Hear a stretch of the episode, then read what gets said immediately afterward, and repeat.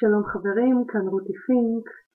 אז אחרי ככה שהכרנו בפרק הקודם, היום אנחנו עוברים למבנה הרגיל של הפודקאסט, שזה אומר שאנחנו נתחיל עם הנושא החם של השבוע. בנושא החם של השבוע אנחנו נזכור כל מיני חידושים בעולם המדע והמחקר, או לפעמים כתבות שהופיעו בחדשות בנוגע לתזונה, ואנחנו נראה מה אפשר להפיק מהכתבות האלה, מה הדברים הפרקטיים שאפשר להפיק. ולנושא החם של השבוע. אז ככה, היום אנחנו מדברים על מחקר שיצא לפני כחודש אה, של חוקרים מאוניברסיטת פרמינגהם שבדקו אפקטיביות של שלושה סוגי תזונה שונים על שמירה על המשקל לאחר שאנשים ירדו במשקל. גויסו 164 סטודנטים מאוניברסיטת פרמינגהם, פרמינגהם סטייט, סליחה, שהסכימו לצרוך במשך המחקר אוכל שסופק להם מחברה שעבדה עם המחקר. החברה הזאת זו חברה של שפים ואני ממש מורידה את הכובע לחוקרים, לחוקרים שארגנו את השיתוף פעולה הזה כי זה ממש ממש ממש לא פשוט, אבל גם לסטודנטים שהסכימו לצרוך כל כך הרבה זמן, ואתם תכף תראו כמה, את האוכל הזה כפי שסופק להם, בלי שום חריגה אני מקווה. תוצאות המחקר התפרסמו אחרי 20 שבועות, כלומר 20 שבועות זה הזמן שהסטודנטים אה, צרכו את האוכל הזה שסופק להם. אז אה, בהתחלה הורידו את כל האנשים במשקל 10%, אנחנו רוצים לבדוק מה, מה הדיאטה הטובה ביותר לשמירה על המשקל אחרי ירידה, אז הם גרמו לאנשים לרדת במשקל 10% מהמשקל שלהם, ייצבו אותם במשקל במשך כמה שבועות, ואז חילקו אותם לשלוש קבוצות תזונה. עכשיו, בכל הקבוצות, זה ממש חשוב להדגיש, בכל הקבוצות כמות החלבון הייתה זהה, ומה שהיה שונה היה רק כמות הפחמימות והשומן. חלבון, אני מזכירה לכם, זה החל מביצים, דגים ובטופו, בבשר.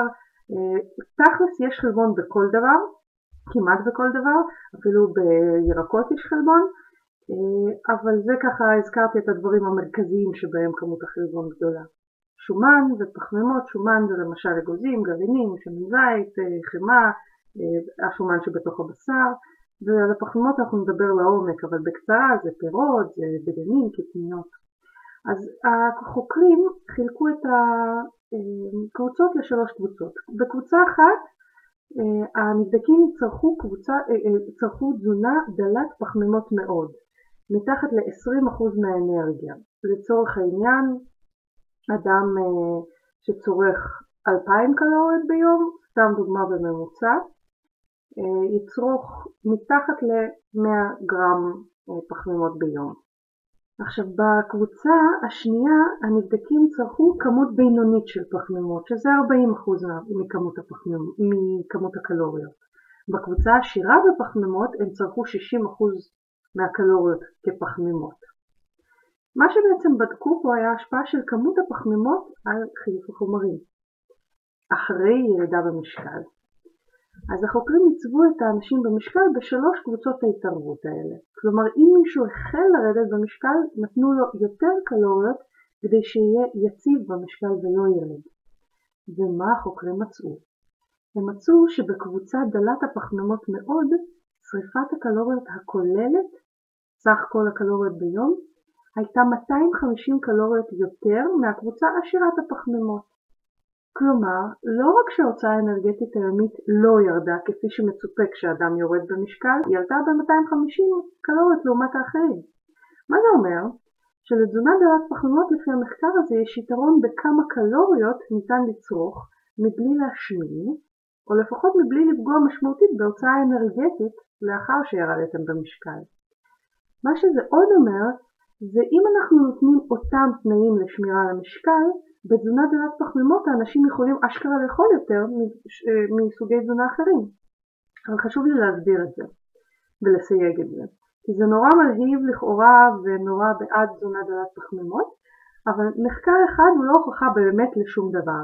חייבים להיות כמה מחקרים שיוכיחו אותו דבר, לעומת פחות מחקרים שיוכיחו דברים אחרים, כדי שנצא באיזה המלצות מיוחדות. כיום יש מחקרים נוספים שמוכיחים בווריאציות שונות את מה שיצא גם במחקר הזה, אבל יש גם מחקרים שמראים שאין הבדל בין תזונה דלת פחמימות לתזונה אחרת בשריפת הקלוריות היומית. אז הנושא הזה עדיין לא סגור לגמרי בין המדענים. אז אם אנחנו באמת נצטרך להפיק מזה מסקנות פרקטיות עד שהמדענים אה, יסגרו על זה ביניהם, נראה לי שהמחקר הזה נותן בעיקר כיוון מעניין לנסות לאחר שלב הירידה במשקל. וזה בנוסף לכך שבמחקרים אחרים תזונה דלת פחמימות מוכחת גם כמפחיתה יותר תיאבון מכל תזונה אחרת.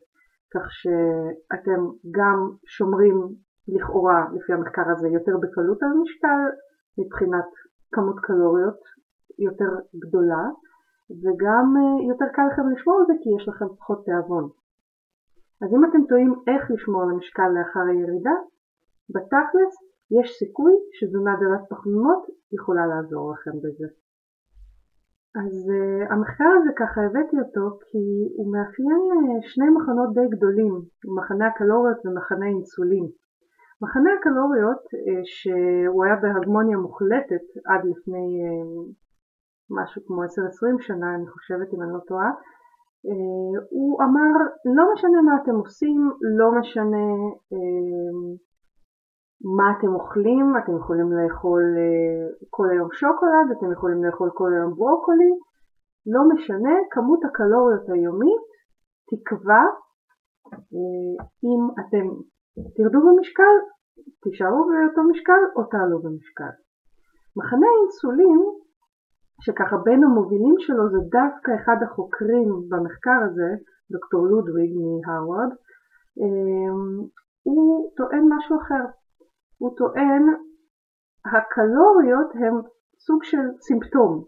בעצם אם אנחנו מורידים את כמות האינסולין, לגוף יותר קל לרדת במשקל. אנחנו ניכנס למנגנונים קצת יותר לעומק, אבל ככה הבאתי את המחקר הזה להראות שמצד אחד כנראה שקלוריה היא לא קלוריה, לפחות לפי המחקר הזה בנושא של אה, שמירה על המשקל לאחר ירידה במשקל. אבל יש ככה ממש חילוקי דעות וממש סוג של חבטות אה, מדעיות בין אה, החוקרים התומכים בשתי השיטות כיום. מה שחשוב לי לציין זה שאני אישית, אני כאשת מקצוע שאמורה לתת המלצות, אני לא לגמרי רואה סתירה ביניהם, אני רואה איך הם מתיישבים ביחד. כי מבחינתי, מה שהמחקר הזה מראה זה שכן אינסולין חשוב, לצורך, כלומר, או הפחתת אינסולין על ידי הפחתת פחמימות בתזונה הזאת, חשובה לצורך זה שנוכל לשמור יותר בקלות על המשקל או על הירידה במשקל. אבל החוקרים לא התעלמו בשום שלב מהקלוריות. כלומר, הם היו צריכים לחשב קלוריות, הם היו צריכים להעריך קלוריות, הם עבדו עם קלוריות. אני רואה ששני הדברים האלה משלימים אחד את השני. מבחינתי, יותר לצורך העניין קל לרוב האנשים, וממש לא לכולם, אבל לרוב האנשים, אה, לרדת במשקל כשהם מפחיתים פחמימות. אני מדברת קל ברמה פיזית, כי אנחנו תכף ניגע, אנחנו כבר אה, מתקדמים לנושא הבא, ובנושא הבא אתם תראו שיש הרבה מעבר לפיזי בעניין של הירידה במשקל. אבל מה שאני חושבת זה שלרוב אה, האנשים יהיה קל יותר בתזונה דלת פחמימות בזכות האינסולין, גם לעמוד בגירעון קלורי וגם באותם קלוריות לרדת קצת יותר. ישנם מחקרים על צום לסירוגין שמוכיחים את אותו עניין. אנשים למשל בצומות שבהם אוכלים אה, במשך כמה שעות ביום וצמים בשאר היום מורידים יותר במסת השומן, לא יותר במשקל אבל יותר במסת השומן. כלומר לדעתי קלוריות הן כן חשובות ואפילו מאוד חשובות אבל זה לא כזה עוזר לרוב האנשים לספור אותם, יותר חשוב להתמקד במה אוכלים, ואז גם יותר קל לשמור, אה, לשמור על הקלוריות האלה, וגם הירידה במשקל אה, יכולה להיות, תלוי מה אתם אוכלים, גדולה יותר. אז זה ככה איך שאני רואה את שני הדברים האלה. ועכשיו אני רוצה להציג לכם את הפינה הבאה שלנו, שהיא פינת שאלות המאזינים. ועכשיו, שאלות המאזינים. בפינת שאלות המאזינים אנחנו ניקח כל פעם שאלה אחת ונענה עליה בהרחבה. והיום אנחנו נתחיל עם שאלה שאני שומעת מהמון אנשים, ממש המון אנשים, זה משהו שממש בוער באנשים, אה, והפעם נשאלה בקבוצת דלי פחמימות ישראל על ידי לבנה. ולבנה שואלת ככה, יש כל כך הרבה גישות תזונתיות, חלקן סותרות אחת את השנייה, איך לא מתבלבלים בין השיטות ואיך בוחרים תפריט? ולבנה, אני חושבת שזו שאלה מעולה, כי אכן יש המון גישות תזונתיות שונות, שחלקן סותרות לגמרי, וכל אדם שמתמחה בתזונה מסוימת אומר שזו התזונה הכי טובה. למשל, איך זה שאנשים בטבעונות מדווחים על שיפורים ניכרים בבריאות, לעומת אחרים שלא מרגישים טוב בטבעונות, או להפך, אנשים בתזונה דלת פחמות ואפילו קטוגנית שלא רק משתפרים, ממריאים על דלק טילים מה שנקרא, לעומת חלק שלא מצליחים לא לרדת במשקל ולא להרגיש יותר טוב. וכל מחנה ממש אה, מבוצר בעמדה שלו. בכלל, יש משהו בתזונה שהוא כל כך מכניס אנשים, על, אה, אה, שם את האנשים על בריקדות. אז אני לא כל כך מאמינה לבריקדות האלה. אני, אני מאמינה שאם אנחנו, אם משהו סותר, אז אנחנו צריכים להסתכל על זה מנקודת מבט רחבה יותר. ואני רוצה להסביר לכם איך אני למשל מתייחסת להתאמת תזונה. אני רואה את התזונה, או יותר נכון את העבודה של דיאטן או תזונאי קליני טוב, כמו עבודה של חזאי מזג אוויר. מצד אחד לחזאי יש המון נתונים, מודלים, חישובים, הוא יודע המון דברים פיזיקליים שקשורים בכל מיני סוגי משקעים וכן הלאה, ממש קטונתי. אה, אבל בפועל, בפועל, הוא לא תמיד צודק, נכון? למה? כי יש המון משתנים בניבוי מזג אוויר שצריכים להילקח בחשבון. למשל, לא יודעת מה, פתאום אה, איזה אה, קרינה מאיזשהו, אה, לא יודעת מה, סערת שמש, אני, לא, אני, אני לא מספיק מתמצאת בזה, אבל יש המון המון נתונים שהחזאים לא יכולים לקחת בחשבון. יש את האמרה המפורסמת הזאת של הנף כנפי פרפר בלא זוכרת איפה, יגרום לצונאמי לא זוכרת איפה. אז זה למשל משתנה שאין לחזאי מצב לתפוס.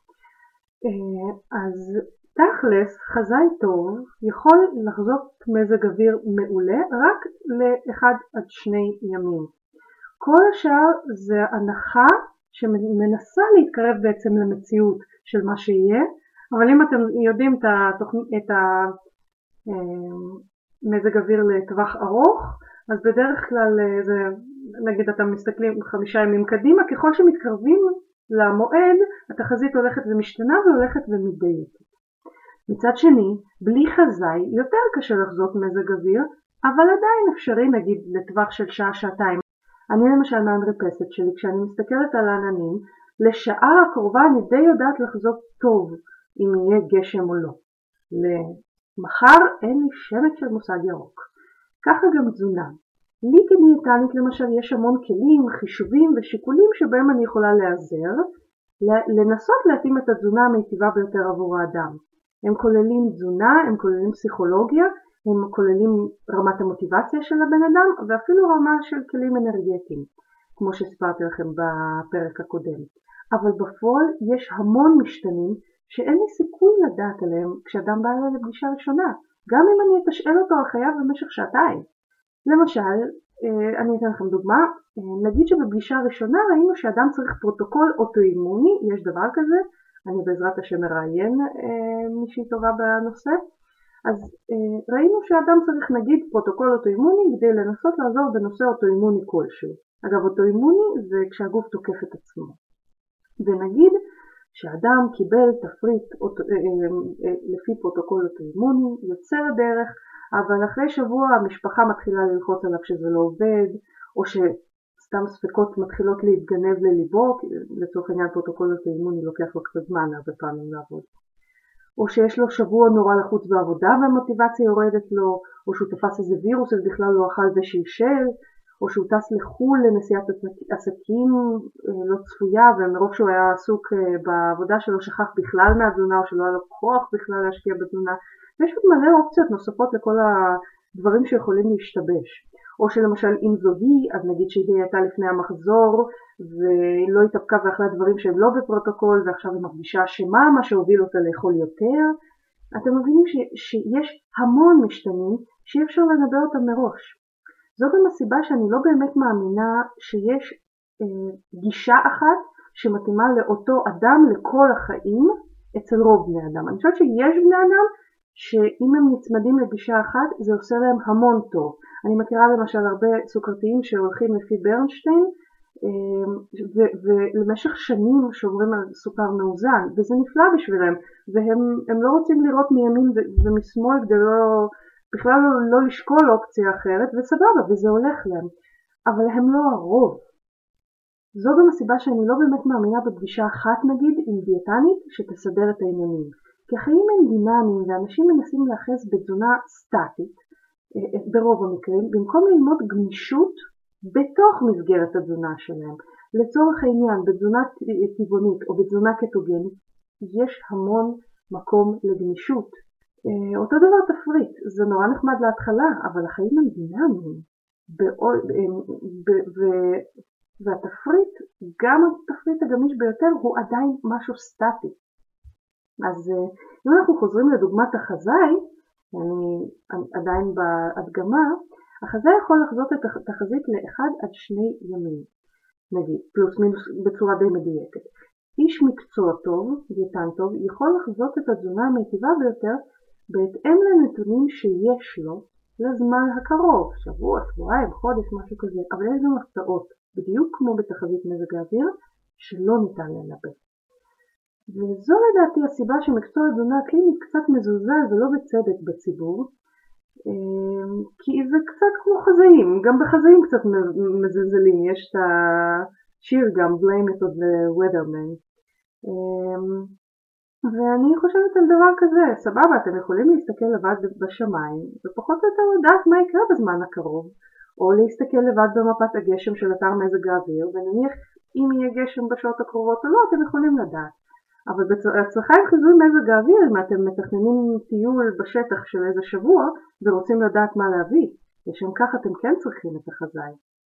אני חושבת שאותו דבר איש מקצוע, אפשר לדעת מה לאכול לבד, אבל איש מקצוע יכול לחסוך לכם הרבה טעויות, הרבה כאב ראש, ובעיקר ללוות אתכם ברמה הנפשית וברמת המוטיבציה. כי תזונה, בעיניי לפחות, בתכלס, זה מקסימום 20% מהעניין. כל שאר 80% זה בכלל ה mindset. אבל אני רוצה להציע הצעה נוספת שיכולה לעזור לכם להתחיל להיות החזאי של עצמכם. כי אני נורא מאמינה שאין צורך להיות בתלות באיש מקצוע. אני חושבת שיש לכם חזאי או דיאטן פנימי משלכם. והכלי הזה שאני רוצה להציע נקרא קשיבות. קשיבות היא היכולת להיות קשוב למחשבות, לרגשות, לגוף שלכם. ככל שאתם עושים את זה יותר, אתם מתחילים להבין מה הכי מיטיב עבורכם. מה הכי מיטיב עבורכם בכל רגע ורגע לבד. ולאף אחד חוץ מכם אין את הידע על הגוף שלכם כמו אצלכם. לא לדיאטן המושלם בתבל. אבל חלק מכם לא מצליחים להיות בקשב לידע הזה. כי הגוף מדבר איתכם כל הזמן, ומסביר מה טוב לו ומה רע לו, מה הוא מעדיף ומה הוא מעדיף להימנע. העניין הוא שאנחנו כל כך עסוקים ודפוסים במחשבות וברגשות שלנו, מה שנקרא בקומה העליונה של הגוף, בראש, מקסימום בלב, שאנחנו זונחים את הקשב לעבד הכי נאמן שלנו, הגוף, לשותף הכי נאמן שלנו. קחו רגע למשל נשימה עמוקה, אולי אפילו תעצמו את העיניים ונסו לשנייה אחת להתמקד באזור הבטן, בפנים. איך הבטן שלכם מרגישה כרגע? האם היא מרגישה מרוצה? האם נוח לכם בבטן? האם אתם מפוצצים? האם אתם בחוסר נוחות? האם יש תחושות מסוימות שעולות מהבטן או מהקיבה? מהמעיים? האם אתם מרגישים איך השרעפת עולה ויורדת בכל נשימה ומזיזה את האיברים הפנימיים? אתם יודעים למשל שיש לזה השפעה על רב וצובע? ועכשיו תשאלו את עצמכם, בעודכם עדיין בקשב הזה, האם אני רעב או רעבה עכשיו? ותבדקו מה המחשבות שעולות בכם לנוכח השאלה הזאת. אם אתם רעבים, מה אתם בדיוק רוצים בהנחה שהכל מותר? איזה מרקם, איזה טעם, איזה ריח, ומדוע? האם זה כי זה היה אסור או כי הגוף מבקש את זה, או מסיבה אחרת? אנחנו חייבים להניח שהכל מותר בשביל להיות מסוגלים להקשיב לגוף. אנחנו לא חייבים לעשות את כל מה שהוא אומר, הגוף הוא לא איזה דיקטטור, אבל אנחנו כל כך בהתעלמות ממנו שאנחנו אפילו לא יכולים להקשיב לו הרבה פעמים. אז אה, אם עשיתם את זה, קחו נשימה עמוקה, תפתחו את העיניים, והרגע חוויתם כמה, פיצ'יפקס קטן מהדברים שיכולים לעלות כשמתחילים להיות בקשיבות לגוף. הקשיבות הזאת מאפשרת להתחיל ליצור מערכת יחסים עם הגוף, שבה אתם אשכרה מסוגלים להבין מה הוא אומר לכם, ולא לצפות ממנו להתנהג רק איך שאתם רוצים ובלי להתחשב בדעה שלו. אני חושבת שרק בצורה הזו, כשאתם לוקחים בחשבון גם את הרצונות והצרכים של הגוף בכל רגע ורגע, וגם את הרגשות והמחשבות שלכם, רק בצורה הזאת לדעתי ניתן באמת לדעת בכל רגע ורגע אם בכלל לאכול, ואם כן, כמה ומה. יש לזה כמובן גם הרבה ניואנסים שונים, כי יש דברים שמעוותים את היכולת של הגוף לדבר, אבל בעזרת תרגול פשוט של קשיבות, בזמן אוכל, לא בזמן אוכל, אפשר להתחיל לזהות גם אותם, את הדברים שמעוותים את היכולת של הגוף לדבר, לבד. ואני חושבת שמצד אחד איש מקצוע טוב יכול למנוע מכם ליפול בכל מיני בורות, אה, כמו למשל דברים שמעוותים את היכולת של הגוף לדבר, אה, לדוגמה ג'אנק פוד, אבל אני חושבת שאיש מקצוע טוב אמור ללמד אתכם יותר ויותר להיות החזאים, הדיאטנים של עצמכם. ואם אתם רוצים ליווי בלמידת הקשיבות הזאת, אתם בהחלט כמובן מוזמנים לפנות אליי לטיפול מעמיק, כי בפגישה אחת זה לא יקרה. אבל אם אנחנו נסכם לבנה, אני חושבת שהדרך הטובה ביותר לבחור תזונה היא היכולת להיות בקשר לצורכי הגוף, לצורכי הרגש וצורכי השכל ביחד בכל רגע ורגע, ולנווט אותם ביחד. כי רוב האנשים שלא מסתדרים עם התזונה שלהם הם אנשים שפשוט יש נתק או איזשהו חוסר תיאום בין החלקים השונים האלה בתוכם, הרגש, השכל והגוף. ואז הם פשוט מתבלבלים ומחפשים את התשובה מבחוץ. אז כאמור, ניתן לפתור את זה, ואני פה בשביל מי שמעוניין כמובן לעשות את התהליך המעמיק הזה. ואתם גם מוזמנים בשמחה לשלוח לי שאלות יותר אה, רחבות ככה כמו של לבנה שלך, או גם שאלות אישיות. אני אבחר כל פעם שאלה או שניים שאני אענה עליהן בכל פרק. ועכשיו אנחנו עוברים לפינה השלישית של הפודקאסט, שהיא נושא השבוע, ונושא שאנחנו כל פעם נתמקד ונעמיק בו. הנושא המרכזי של השבוע והיום אני רוצה לשתף אתכם מהי בעצם תזונה דלת פחמימות ומהי תזונה קטוגנית. רוצה לעשות כמה פרקים בנושא בגלל שהמון המון אנשים די מאבדים את הצפון בעניין הזה ואני רוצה לעשות קצת סדר. זה תחום ההתמחות שלי בתחום התזונה ומאז שהתחלתי לעבוד עם אה, סוגי התזונה דלת הפחמימות אני רואה כמות הצלחות די אדירה בקליניקה שלי יחסית לעבר. אבל שוב, אני רוצה לשים את הדברים בפרופורציה. התזונה היא רק חלק קטן ממה שאתם אמורים לקבל כשאתם באים לדיאטן או דיאטנית. אנשי מקצוע טובים יעסקו איתכם בעיקר ב mindset, כי זה מה שבעצם יעזור לכם לשמור על כל תזונה שתבחרו, וזה גם מה שיעזור לכם להתאים אותה לעצמכם, גם ברמה הפיזית אבל גם ברמה הנפשית. אז בחזרה לתזונה דלת פחמימות. קודם כל, מה הן פחמימות? פחמימות זה משהו, מולקולה, שאם אה, הם נכנסים למערכת עיכול שלנו, רובם הגדול מתפרק לסוכר. כלומר סוכר הוא פחמימה, אבל גם מולקולות שמרכבות מהרבה מולקולות סוכר הן פחמימה. אה, הם נמצאים למשל בדגנים וקטניות, דגנים לא, לא רק דגני בוקר, דגנים כמו חיטה, כמו שיפון, אה, כמו קוסמת ודברים כאלה, גם בכל הקטניות יש פחמימות, בפירות, כמובן במתוקים שמפוצצים בסוכר, בכל המאפים גם אם הם מלוכים, במוצרי חלב ניגר כמו אשל, יוגורט ודברים כאלה, ועוד בכל מיני מוצרים. זה ככה בקצרה מה זה פחמימות. והאדם הממוצע במערב צורך בדרך כלל לפחות 200 גרם פחמימות ליום. זה ככה כדי שיהיה לנו איזשהו טווח חשיבה ככה. כשאנחנו מדברים על תזונה דלת פחמימות, הגופים הרשמיים מגדירים תזונה דלת פחמימות עד 130 גרם פחמימות ליום. אני מזכירה לכם לפחות 200 זה מה שהאדם הממוצע צורך, תזונה דלת פחמימות זה עד 130.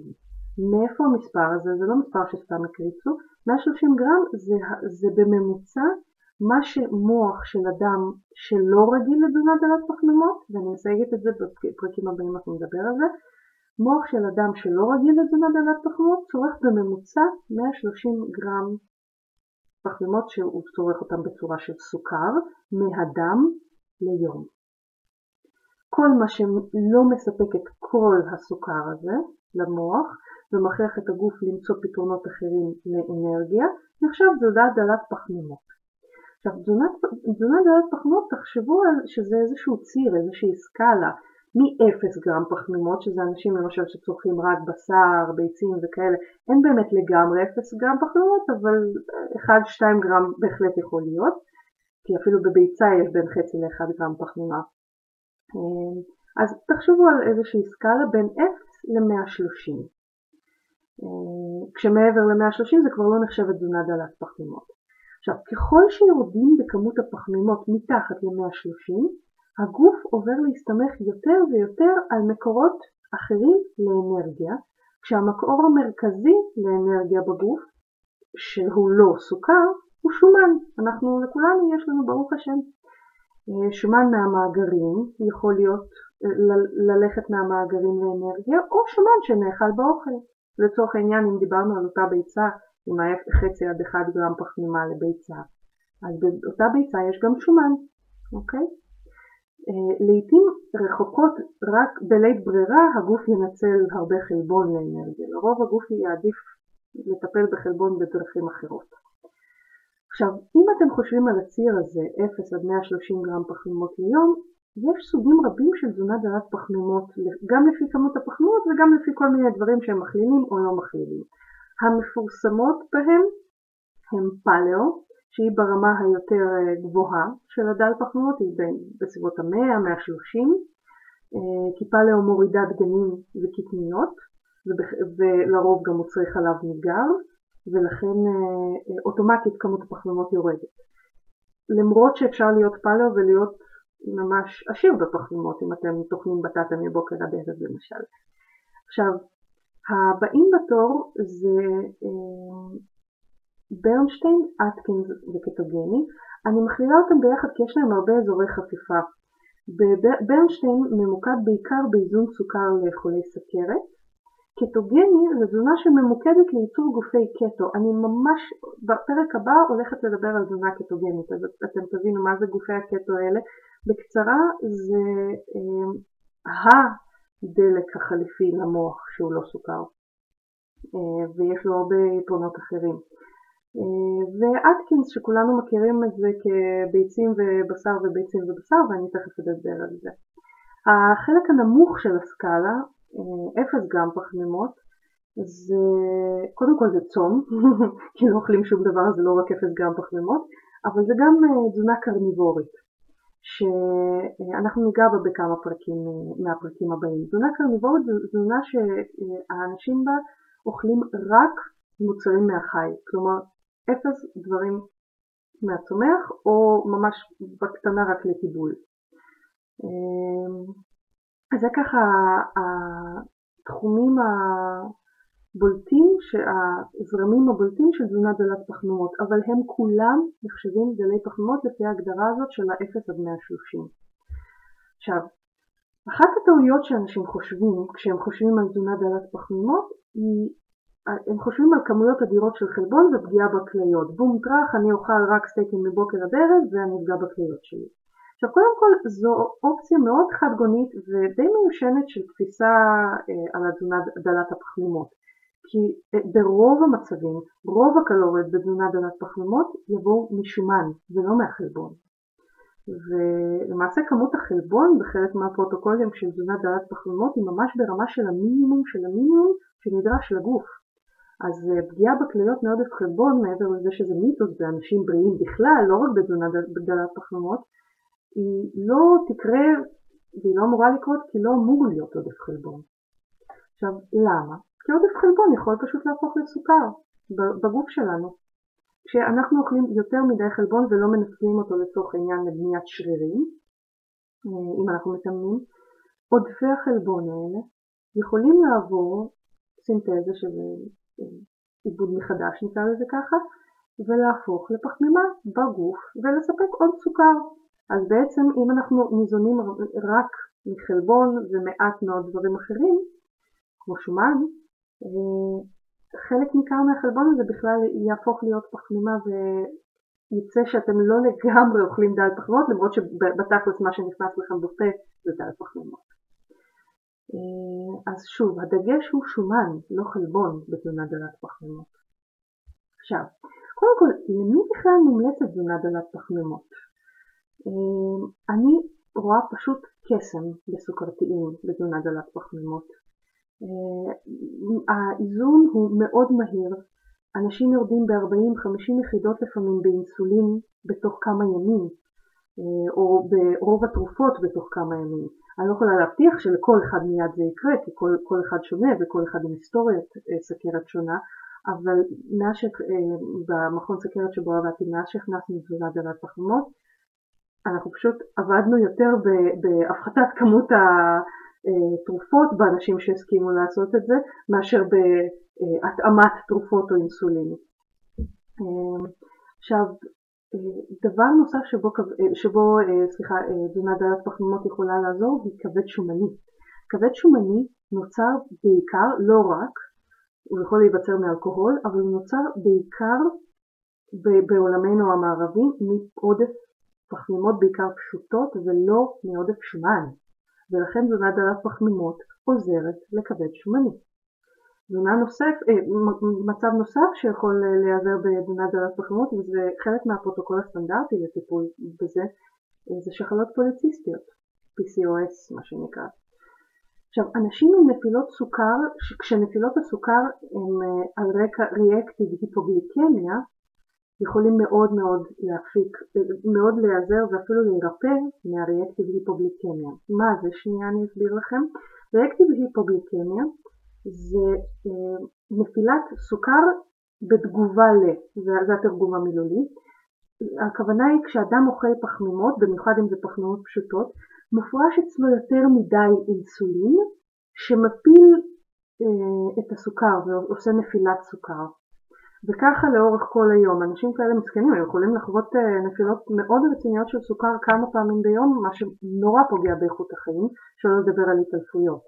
אמ, אז אנשים עם ריאקטיב היפוגליקמיה, לא על רקע אה, גידולים ולא על רקע מחלות נוספות אה, אנדוקרינולוגיות, יכולים מאוד להיעזר בתזונה דלת פחמימות.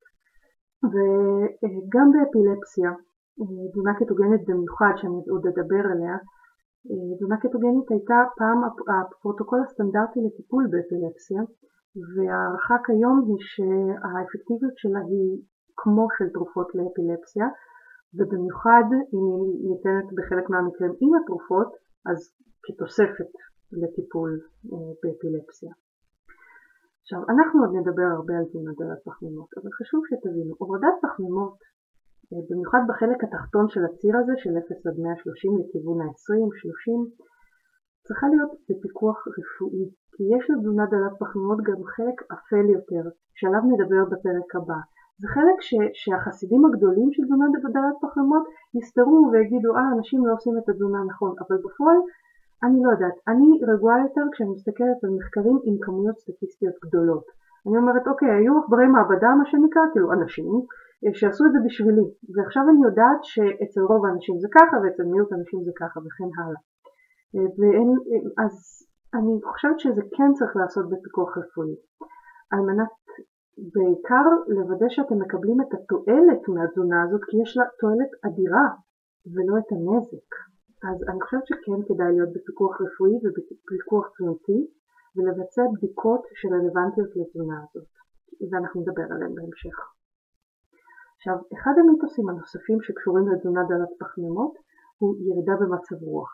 עכשיו, זה נכון רק לתקופת הסתגלות. תחשבו שאתם צריכים לעבור מדלק לסולר במכונית.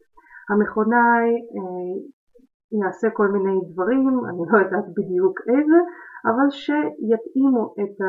שיעשו את המנוע כזה שמסתמך על סולר ולא על דלק. זה סוג של התהליך שעובר על גוף שמפחית בצורה משמעותית פחמימות, הגוף צריך להסתגל למקור הדלק האחר, שומן ובמקרים רבים קטונים. התהליך הזה, החלפת המנוע הזה, זה לא באמת החלפת מנוע, כי אנחנו תמיד משתמשים בכל סוגי הדלקים אה, בגוף, אבל הגדלת כמות הניחום בתאים שמטפל בשומן אה, לוקח זמן בגוף. הוא לוקח בין שלושה ימים במקרה שאתם קצת מפחיתים לבין שלוש שבועות במקרה של מינימום, במקרה של תזונה קטוגנית. אז כן, יכולה להיות במצב כזה ירידה במצב רוח, אבל היא זמנית עד שהגוף והמוח מתרגלים להשתמש בצורה האפקטיבית ביותר בדלק, בדלק החליפי. ואז, למשל בתזונה הקטוגנית, הרבה אנשים מדווחים דווקא על פעילות טובה יותר של המוח. אני אישית זוכרת פשוט תחושה של ריכוז על כזה, כמו מיקוד כזה. ש... וגם ניצול מצב רוח, שזה דברים שבעצם המוח עובד על דלק טילים, ולא על דלק רגיל בעיניי. זה הקטונים, אנחנו נדבר עליהם הרבה. אבל שוב, זה משהו שצריך לעשות בעיניי בפיקוח. עכשיו, מיתוס נוסף בתזונה דלת פחמימות זה שזה פוגע בלב בגלל כמות השומן של התזונה הזאת, ואכן התזונה הזאת עשירה בשומן. עכשיו, יש סוגי שומן שונים וההשפעה שלהם על הסיכון לחלות במחלות לב שונה. לא כל שומן הוא בהכרח הולך להעלאת אה, כולסטרול ובהכרח הולך להתקף, ליצירת התקף לב. אה, מה שכן, מחקרים ארוכי טווח באנשים על מחלות לב ותמותה אה, ממחלות לב בתזונה דלת פחמימות אכן חסרים. אני מאמינה שבשנים הקרובות הם יבואו, הם יגיעו, כי זה נושא נורא חם למחקר עכשיו. מה שאנחנו כן רואים זה שכל המרקרים שמנבאים סיכון למחלות לב חוץ מכולסטרול משתפרים. אבל הכולסטרול זה ניואנס בפני עצמו, אנחנו ניכנס לזה, אני מתכננת בעזרת השם רעיון בנוגע לכולסטרול, עם איש מקצוע בעוד זמן מה פרקים. אה, שמתמחה בזה היטב אה, בשביל להבהיר לכם את כל הסמטוחה של הכולסטרול כי אה, הכולסטרול זה אחד הדברים שבעיניי הכי פחות מובנים בקרב אפילו חלק לצערי מאנשי הרפואה ואני לא אומרת את זה כי בשביל לשים את עצמי על איזה אולימפוס, גם אני לא מספיק מבינה את זה אני חושבת. אני חושבת שפשוט חיינו עד עכשיו מחקרית בהגמוניה שכולסטרול גורם למחלות לב, וכיום אה, יש הרבה מחקרים שאומרים שאוקיי, במקרים מסוימים כן, אבל לא בכל המקרים. אני חושבת שכולסטרול הוא הרבה יותר מורכב מאשר לסכם אותו בקצרה בנושא חם של השבוע, ככה בסוף הנושא החם של השבוע. אני חושבת שהוא דורש נושא חם של השבוע משלו.